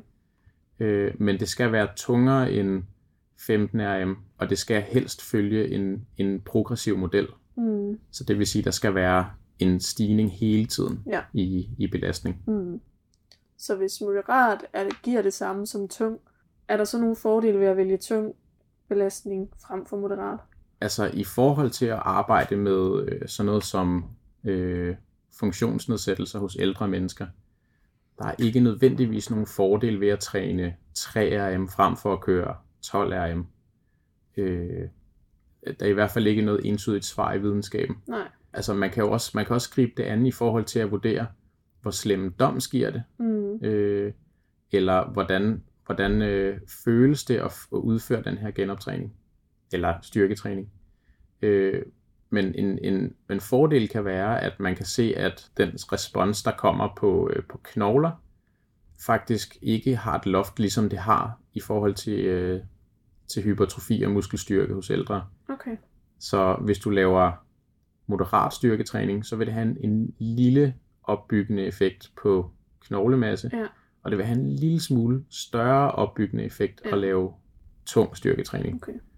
Men jo tungere det bliver, jo, jo mere udmattende vil det også føles, Mm. øh, at den første gentagelse virkelig vil føles hård, Ja. og man skal blive ved. Mm. Så pædagogisk, øh, der er, øh, der, der, der siger min erfaring mig i hvert fald, at det at gå efter omkring 12 RM, det er sådan et meget godt sweet spot. Især hvis man beder dem om at lave måske ikke 12 gentagelser hver gang. Måske kan de godt bare lave 8 eller 6 eller 10. Mm. Øh, og så bare et max sæt i, i sidste sæt. Jeg har mødt nogle artikler, nogle studier, der siger, at man godt kan øge noget styrke ved lav intensitet. Hvad tænker du om det? Øh, jamen det findes også, kan man Mm. sige, at i, i videnskaben, der finder, der finder man nogle gange artikler, der peger på, at styrketræning med lettere intensitet kan give en effekt. Men hvad der er fælles for de studier er, at den styrketræning er lavet som det, der hedder powertræning, øhm, som er øh, til for, forskel fra styrketræning. For styrketræning vil vi godt have, at øh, vægten bliver ført i et kontrolleret tempo. Der vil man i powertræning gerne have, at man laver en maksimal indsats i de koncentriske kontraktioner. Så det vil sige, at man laver, man laver udførselen så eksplosiv, som man overhovedet kan. Øh, og og det er også en effektiv måde at øge aktivering af, af de her store motorunits og eksplosive muskelfibre, fordi at det er en meget eksplosiv bevægelse. Øh, men hvis man laver styrketræning i et kontrolleret tempo med en belastning, der er lavere, så ser det ikke ud som om, at der reelt er nogen effekt. Mm. Øhm, så øh, så så altså, øh, det, er jo, det er jo både et, et, et ja og nej til, om Ja. det er effektivt. Mm. Øh, men, men som udgangspunkt vil jeg sige, fordi det er svært at håndtere øh, den her form for træning hos ældre mennesker, så vil jeg altid anbefale at lave det som tung styrketræning, frem Ja. for at lave powertræning. Mm. Hvordan oplever du, at øh, når du har lavet tung eller ja, med moderat intensitet styrketræning ved ældre borgere, de tager imod det?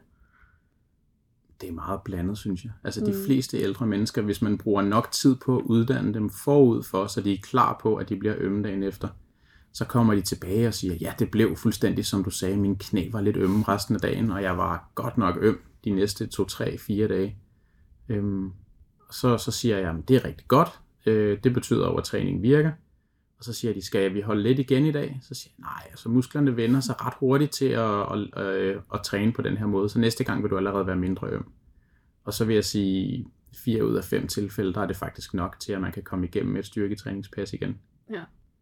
Så du møder ikke nogen, der tænker, når du siger, at de skal til at løfte tungt, at de synes, det er at presse citronen lidt for meget?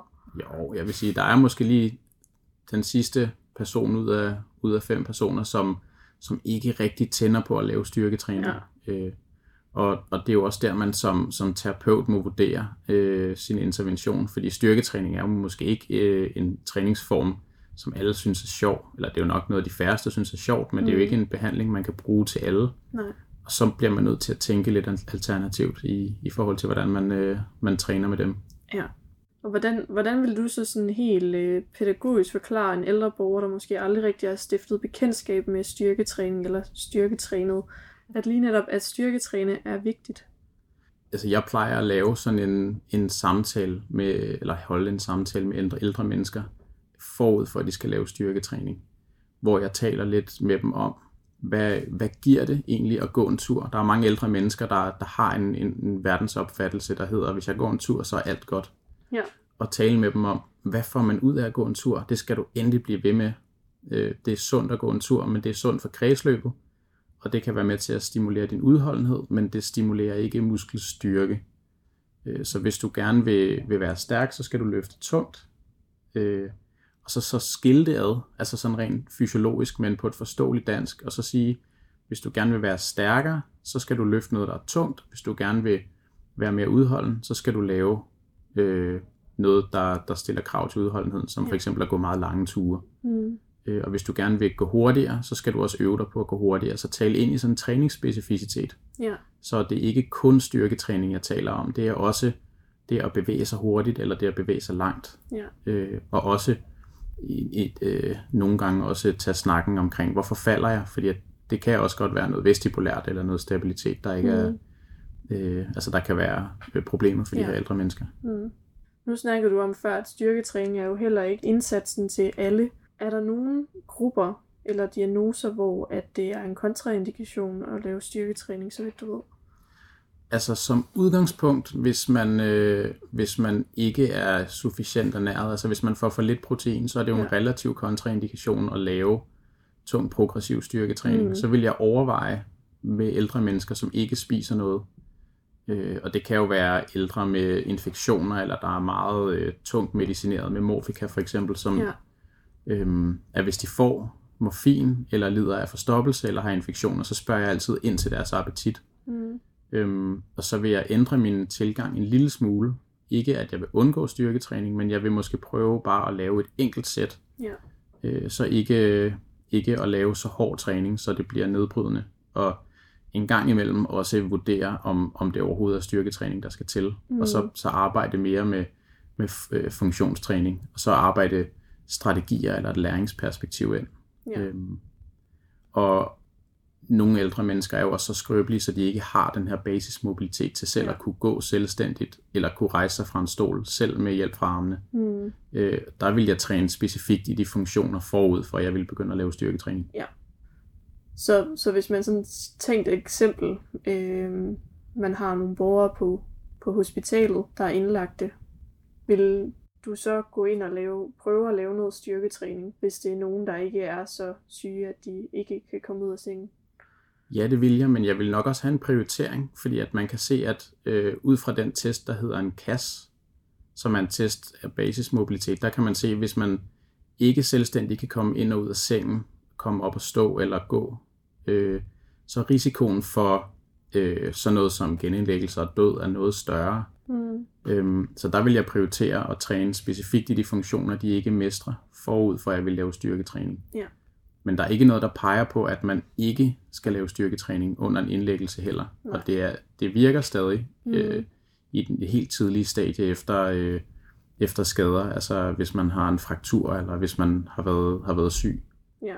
Øhm, så, øh, så hvis de havde, øh, hvis de havde de her basis øh, mobilitet i orden, så ville jeg gå i gang med noget, noget progressiv styrketræning. Mm.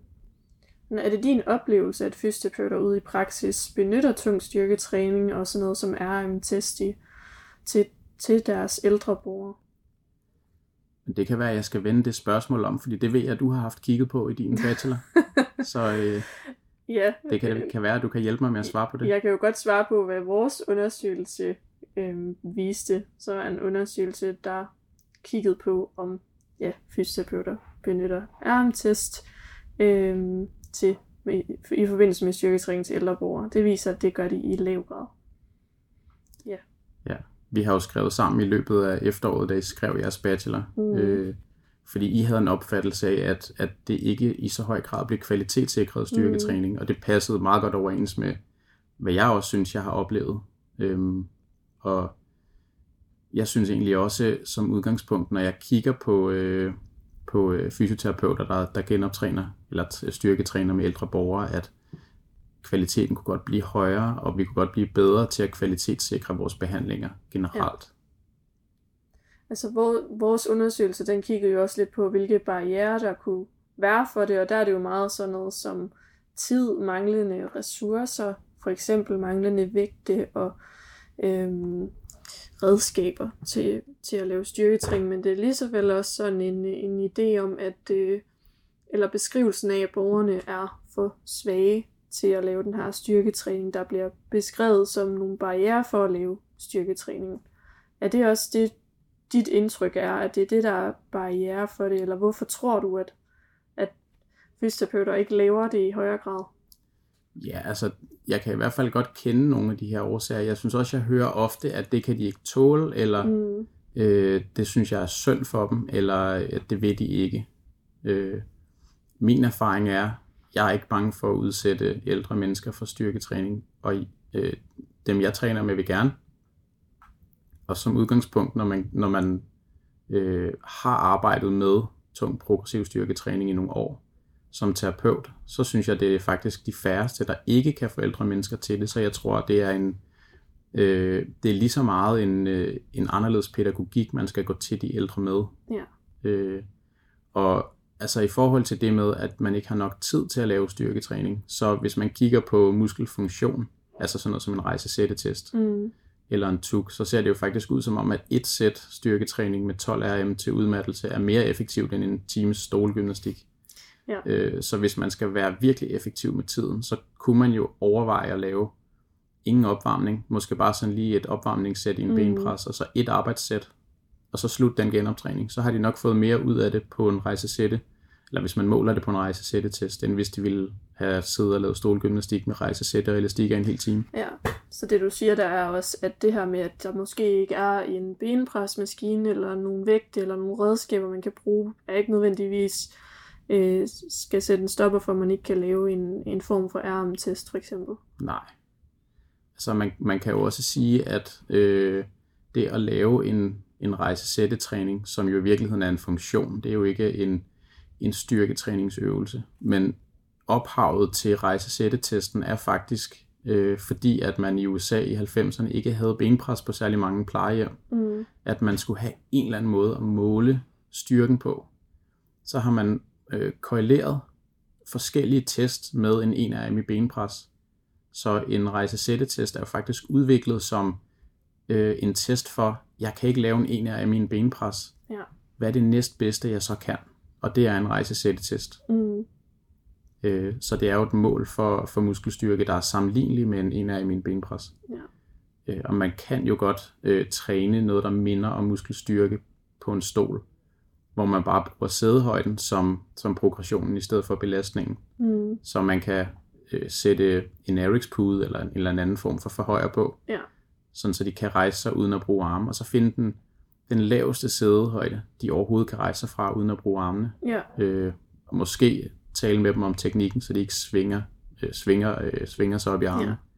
Men at armene er krydset over kors på brystet, eller Mm. i hvert fald gøre det i et kontrolleret tempo, og så kan man, så kan man reducere sædehøjden, så de rejser sig fra en lavere og lavere platform, og så progredierer på den måde. Så kan man jo få noget, der minder rigtig meget om, om styrketræning, og selvfølgelig ja. et RM-princip der også. Mm.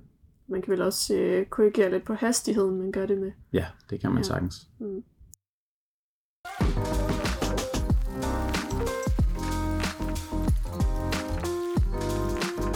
Jeg tænker, at der er vel også noget sådan, altså kvalitet, vil der ikke øhm, kunne være noget i forhold til sådan en RM-test, og så at man, at man, hvis man laver en RM-test, at det man i virkeligheden kommer til at teste på, kan være, hvornår der opstår manglende kvalitet frem for, hvornår du egentlig bliver muskulært udtrættet.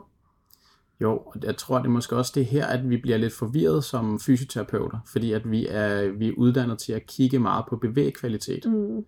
Øh, og jeg tror, jeg godt kan have øh, lidt tendens til selv, og det er der, jeg ved jeg i hvert fald nogle andre fysioterapeuter, så den står for egen regning, må jeg sige, men at blande neuromuskulær træning og styrketræning sammen. Ja.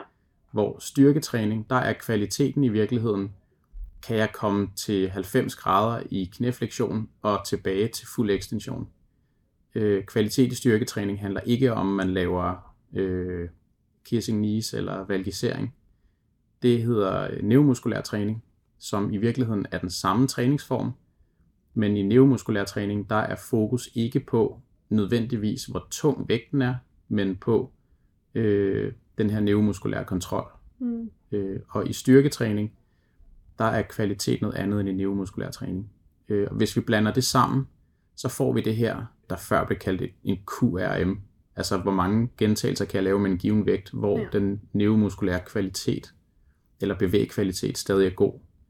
Og det har ikke nødvendigvis noget med styrketræning at gøre, fordi at det antal gentagelser, man kan tage, hvis man laver en, en, et max-sæt i en benpres for eksempel, der vil den sidste tredjedel af gentagelserne, der vil, der vil teknikken nok ikke være særlig pæn for en fysioterapeut. Der kan godt Mm. være lidt øh, ustabil knæ, Mm. mm. og det kan der jo i, i princippet også i en squat, hvis vi laver den med, med frivægt eller med yngre mennesker. Men så skal man jo bare være bevidst om, at man har ikke fundet max. Nej. Og nu? Det er jo ikke altid, at det bare kun er benene, vi har udfordringer med muskelmasse styrke. Vil du også, hvis vi snakker arme, overkrop og så videre, benytte dig af noget RM-test der? Som udgangspunkt, så er min tilgang egentlig det samme til mm. hele kroppen. Øh, så så der, vil jeg jo, der vil jeg jo igen sige, bare tage så mange gentagelser, du kan. Øh, og så er det min opgave som terapeut at, at korrigere. Øh, og de fleste mennesker kan godt finde ud af at tælle til 15. Så hvis man, hvis man kan, og de kognitivt er, er til det, så kan man jo godt sige til dem, tag så mange du kan, og hvis du kan tage 15, så bare stop. Ja. Øh, og så sæt mere vægt på, og så tag mm. sæt igen efter to minutter, når du lige har kommet der. Ja.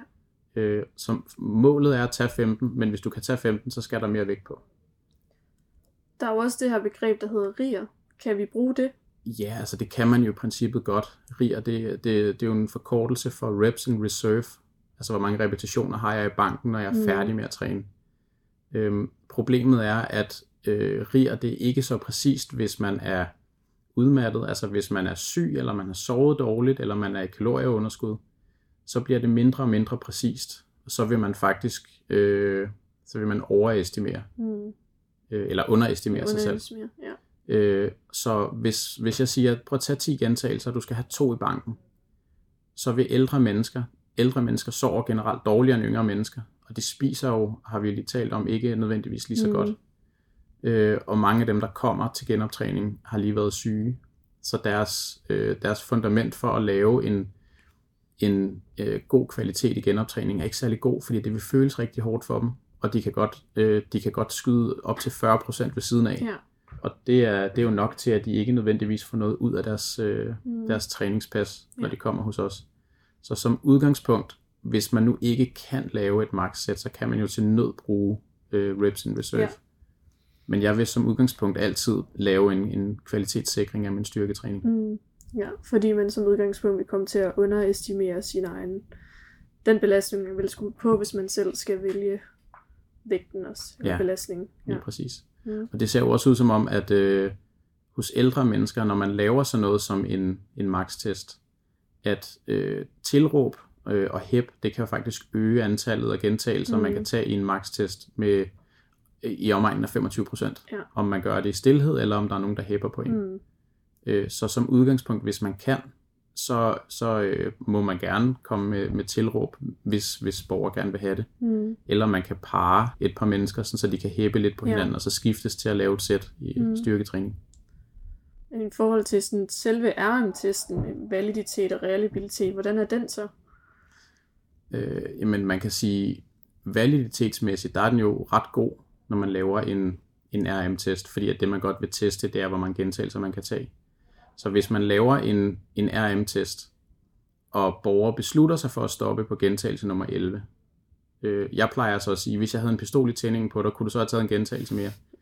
Hvis de siger ja, så, så ved vi, at, at validiteten ikke er så god. Så ja. det er sådan, jeg kvalitetssikrer for mm. det. Og i forhold til, til reproducerbarheden, altså reliabiliteten af en RM-test, der har vi jo en, der har vi lidt et problem i forhold til styrketræning hvorfor det også, jeg ser det som en god idé at lave kvalitetssikring, fordi vi har en, en ret stor dagsvariation i vores maksimale styrke, øh, særligt hos ældre mennesker, som, som kan have varierende for eksempel infektionsniveauer, og det kan, at det, er, det kan vores øh, styrke, særligt benene, være meget øh, følsomt overfor. Ja. Mm. Sidst jeg kiggede, så er det ret længe siden, at øh, armtestmanualen den er, hvis man kigger ind på danske fysioterapeuter, den er blevet opdateret. Øhm, og er som udgangspunkt, nu, nu må du rette mig, hvis det er blevet lavet om siden, men er ikke en standardiseret test. Det ved jeg faktisk Nej. ikke. Jeg har ikke selv kigget på den, der er inde på, øh, på Danske Fysioterapeuters Nej. hjemmeside. Okay. Fordi jeg tænkte bare, om, om det måske kunne være et argument for, at nogle fysioterapeuter øh, i mindre grad benytter RM-testen, fordi det ikke er en standardiseret test. Altså jeg synes at det er, en, det er jo en, en fin tanke. Altså jeg mm. ved, at der er en forskergruppe, der i 90'erne lavede en standardiseret 1RM-test, øh, nogen der hedder Fleck and Kramer. Øh, og det er den, jeg selv bruger, øh, når jeg skal lave max-test. Det er jo ikke noget, jeg så ofte bruger hos ældre mm. mennesker, men det er en standardiseret test, øh, som, man, som man sagtens ville kunne følge. Ja. Og, og, og jeg vil sige, i forhold til styrketrænings øh, sådan håndværket, der er jo ikke meget, der har ændret sig fra start 90'erne, hvor den første litteratur omkring styrketræning Nej. sådan for alvor kom mm. ud til terapeuter og fysiologer. Øhm, så meget af det, vi også underviser i, når vi, når vi holder styrketræningskurser, det er også, at det er rent faktisk materiale, der er skrevet i 90'erne. Mm. Øh, altså, der er, det er ikke nødvendigvis nyt alt sammen, fordi at så, så meget har det ikke ændret sig. Mm. Vi er blevet klogere på forskel imellem yngre mennesker og ældre mennesker. Men, men håndværket er jo mere eller mindre det samme. Ja. Og det, det, man fandt ud af, virkede rigtig godt i, i 90'erne og starten 0'erne. Det virker stadig rigtig godt. Ja. I forhold til retningslinjerne og anbefalingerne i forhold til øh, ældre med geriatriske lidelser og med sarkopeni, så, så står det jo også øh, der med antal af RM og så videre. Men tror du, at fysio er god nok til at orientere sig i de nationale kliniske retningslinjer? Jeg tror, vi begynder at løbe ind i, øh, i problemer nu, og det tror jeg historisk set har vi nok ikke været gode nok til det. Øh, men nu hvor Sundhedsstyrelsen er holdt op med at mm. opdatere mm. de kliniske retningslinjer, der tror jeg også, vi har et problem, ja. fordi at jeg, jeg har jo allerede hørt og fået spørgsmål omkring, øh, nu står der på den her kliniske retningslinje, at den ikke er gældende. Hvad gør jeg så? Mm. Øh, og det, at den ikke er gældende, det betyder ikke, at det ikke er det bedste, vi har. Nej. Fordi at de har lavet en systematisk litteratursøgning og, og kigget på al forskning, øh, ja. der findes på det her område. Så det, der står, at den ikke er gældende, det betyder bare, at litteratursøgningen er mere end fem år gammel. Mm. Og det har ikke nødvendigvis ændret sig. Øhm, så medmindre man har noget evidens, der er nyere, som siger noget andet, så vil jeg stadig læne mig op af ja. de gamle anbefalinger. Mm. Øhm, og evidensen for træning til ældre med sarkopeni er i hvert fald det samme, som der, er, der står i den her ja. øh, NKR for mm. ældre med geriatriske problemstillinger. Mm. Så, så øhm, troværdigheden, altså de, de kliniske retningslinjers troværdighed, falder ret meget nu, fordi at ja. de ikke er gældende. Mm. Men det er stadigvæk, øh, øh, altså det er stadigvæk det bedste, vi har. Ja. Tænker du ikke, at det, tænker du, det er et problem, at de stopper med at opdatere dem? Og at vi som fysioterapeuter ikke har et let tilgængeligt sted at finde opdateret viden? Jeg tror, vi i forvejen har haft et problem, fordi at øh, øh, vi som, som folk på gulvet ikke har været helt gode nok til at holde os opdateret, og måske også at følge det, der står sådan helt slavisk, mm. fordi at den daglige praksis, jeg har, øh, det, det er besværligt at ændre de ting, jeg gør i hverdagen. Så hvis jeg skal ændre væsentlige ting, så, det, så vil det også være sværere at gøre, øh, fordi vaneændringer er besværlige i en, ja. en travl hverdag. Øh, men jeg tror, altså det er, jo, det er jo et ansvar, som, som måske også bliver delt ud på nogle andre end Sundhedsstyrelsen. Øh, jeg ved, at, at mange af, af os, der sidder i de faglige selskaber, begynder at kigge på at, at lave øh, sådan noget som, som øh, vejledninger og anbefalinger. Ikke, ikke nationale kliniske retningslinjer, men sådan fysioterapeutiske anbefalinger til, hvordan håndterer man det her, ja. hvor vi bruger den samme metode, som de har brugt. Altså vi laver litteratursøgninger og, og gennemgår, hvad siger forskningen, og vi inddrager nogle kliniske eksperter i øh, inden for deres område til, hvordan kan vi gøre, men, men det kommer til at tage nogle år, før mm. vi, er, vi er i nærheden af noget, som reelt er brugbart. Så indtil videre, så tror jeg, vi skal, vi skal øh, holde øjne og ører åbne og, og lytte til, hvad, hvad vores øh, gode danske forskere ja. og udviklingsfolk, der, mm. der laver litteratursøgninger, hvad de siger. Ja. Kan du forstå, at der er nogle fysioterapeuter ude i praksis, der ikke udfører styrketræning, når at det er, øh, hvis de har borgere, hvor det lige netop er øh, nedsat muskelstyrke, muskelmasse, der er problemet, at de så ikke udfører det, og kan du sætte dig ind i de her barriere, der bliver nævnt derude? Ja, det kan jeg faktisk godt, øh, fordi hvis man selv ikke er så stor fan af styrketræning, hvis man selv synes, det er ubehageligt, så ved man også, at som, som et empatisk menneske, at man udsætter en anden person for noget ubehag, og måske selv har svært ved at stå på mål for det, øh, så vil det være ret svært, fordi at man, man er velvidende om, det er ubehageligt, og man ved faktisk ikke rigtig nødvendigvis, om det virker bedre end at gøre det, der ikke er lige så ubehageligt. Mm. Og så søger man måske også efter noget andet, som som ikke er, øh, er lige så anstrengende og er lige så potentielt smertefuldt for de ældre mennesker, så jeg kan sagtens forstå, at man mm. vælger at gå en anden vej. Ja. Øhm, og det er måske bare sådan lidt misforstået empati, hvis man arbejder med ældre, der for eksempel har sarkopeni. Ja. Øhm, Fordi så gør man dem jo faktisk en tjeneste ved at udsætte dem for mm. den her smerte. Men, ja. Øh, men her og nu, når man sidder i, i benpressen eller er i gang med at lave øh, skulderpres, og det er rigtig ubehageligt at presse dem derud, øh, så kan jeg sagtens forstå det. Og jeg vil da også sige sådan noget som at lave et maxsæt øh, selv. Altså det er da heller ikke noget, mm. jeg gør hver uge. Jeg synes da også, det er ubehageligt. Ja. Øhm, så øh, altså, det er jo ikke anderledes. Nej, så det kan godt være lettere sagt end gjort at udføre styrketræning med sine borgere, men vi skal alligevel gerne komme hen imod, at flere gør det. Ja, men, men jeg tror også, styrketræning, det er jo et, et overset håndværk i vores mm. fag, og det er jo et, et håndværk, som man ikke kun skal kunne teoretisk. Ja. Man skal også kunne al pædagogikken omkring mm. det, hvis man skal kunne sælge det som behandlingsform. Også ja. fordi det er ubehageligt, og det er, det er kontraintuitivt, hvis man ja. føler, øh, at man skal lade være. Altså man har måske noget artrose i knæene, og man har infektion, man har været syg, og ens krop den skriger efter hvile. Ja. At man så skal lave noget, der er så udmattende. Mm. Øhm, så det er, jo, det er jo kontraintuitivt i forhold til, hvad vores systemer siger mm. for, som mennesker. Ja. Så jeg har jo selv mødt mange, der bare sætter deres øh, ældre borgere til at lave 3x10 i benpressen, som vi også har snakket om. Og det er egentlig også meget af det, vi har mødt i beskrivelserne i vores øh, bachelorprojekt. Hvad skal vi gøre for at få flere fysioterapeuter til at have fokus på, at det er okay at presse sine ældre borgere, at man godt må træne tungt med sine ældre borgere? Jeg tror, noget man måske kan, kan forsøge sig med, det er at prøve at komme lidt væk fra at sige, du skal tage x antal gentagelser, så sige, tag så mange gentagelser du kan. Og hvis man nu ender med at tage 17 gentagelser, eller 20 gentagelser, så er det nok okay. Jeg tror, man får mere ud af at tage 1 gange 20 på den samme vægt, end man tager, øh, end, end man får ud af at køre ja. 2 gange 10. Så hvis man kan tage 30 gentagelser i træk, hvorfor så holde en pause for hver 10? Hvorfor så ikke bare tage 30, og så, øh, og så køre den ud? Og så uddanne dem i at sige, okay, du har faktisk kørt et sæt, der er med lige så høj volumen, som du plejer at køre på tre sæt skal vi prøve at sætte vægten lidt op, og så behøver du ikke tage 30 gentagelser. Der er mm. ikke noget magisk ved tallet 10 eller ved tallet Nej. 30. Øhm, men at, at bare bede folk om at tage så mange gentagelser, de kan. Mm. Er fysioterapeuter dygtige nok til, og ved de nok om styrketræning? Det ved jeg ikke, om jeg kan svare på. Jeg ved, at styrketræning ikke fylder så meget, som det kunne gøre på studierne, så jeg tror faktisk, vi skal være bedre til også som fag og øh, på den anden side af grunduddannelsen og at give nogle kurser i styrketræning. Jeg ved, mm. at de fleste faglige selskaber udbyder også styrketræningskurser. Ja. Og, og det gør de, fordi der er et marked for det, og fordi at vi kan blive skarpere, og, og man bliver bedre, når man har været på, på styrketræningskurser. Mm. Vi kan jo se, at vores kollegaer, som kommer hjem fra styrketræningskurser, faktisk i højere grad bruger styrketræning. Ja.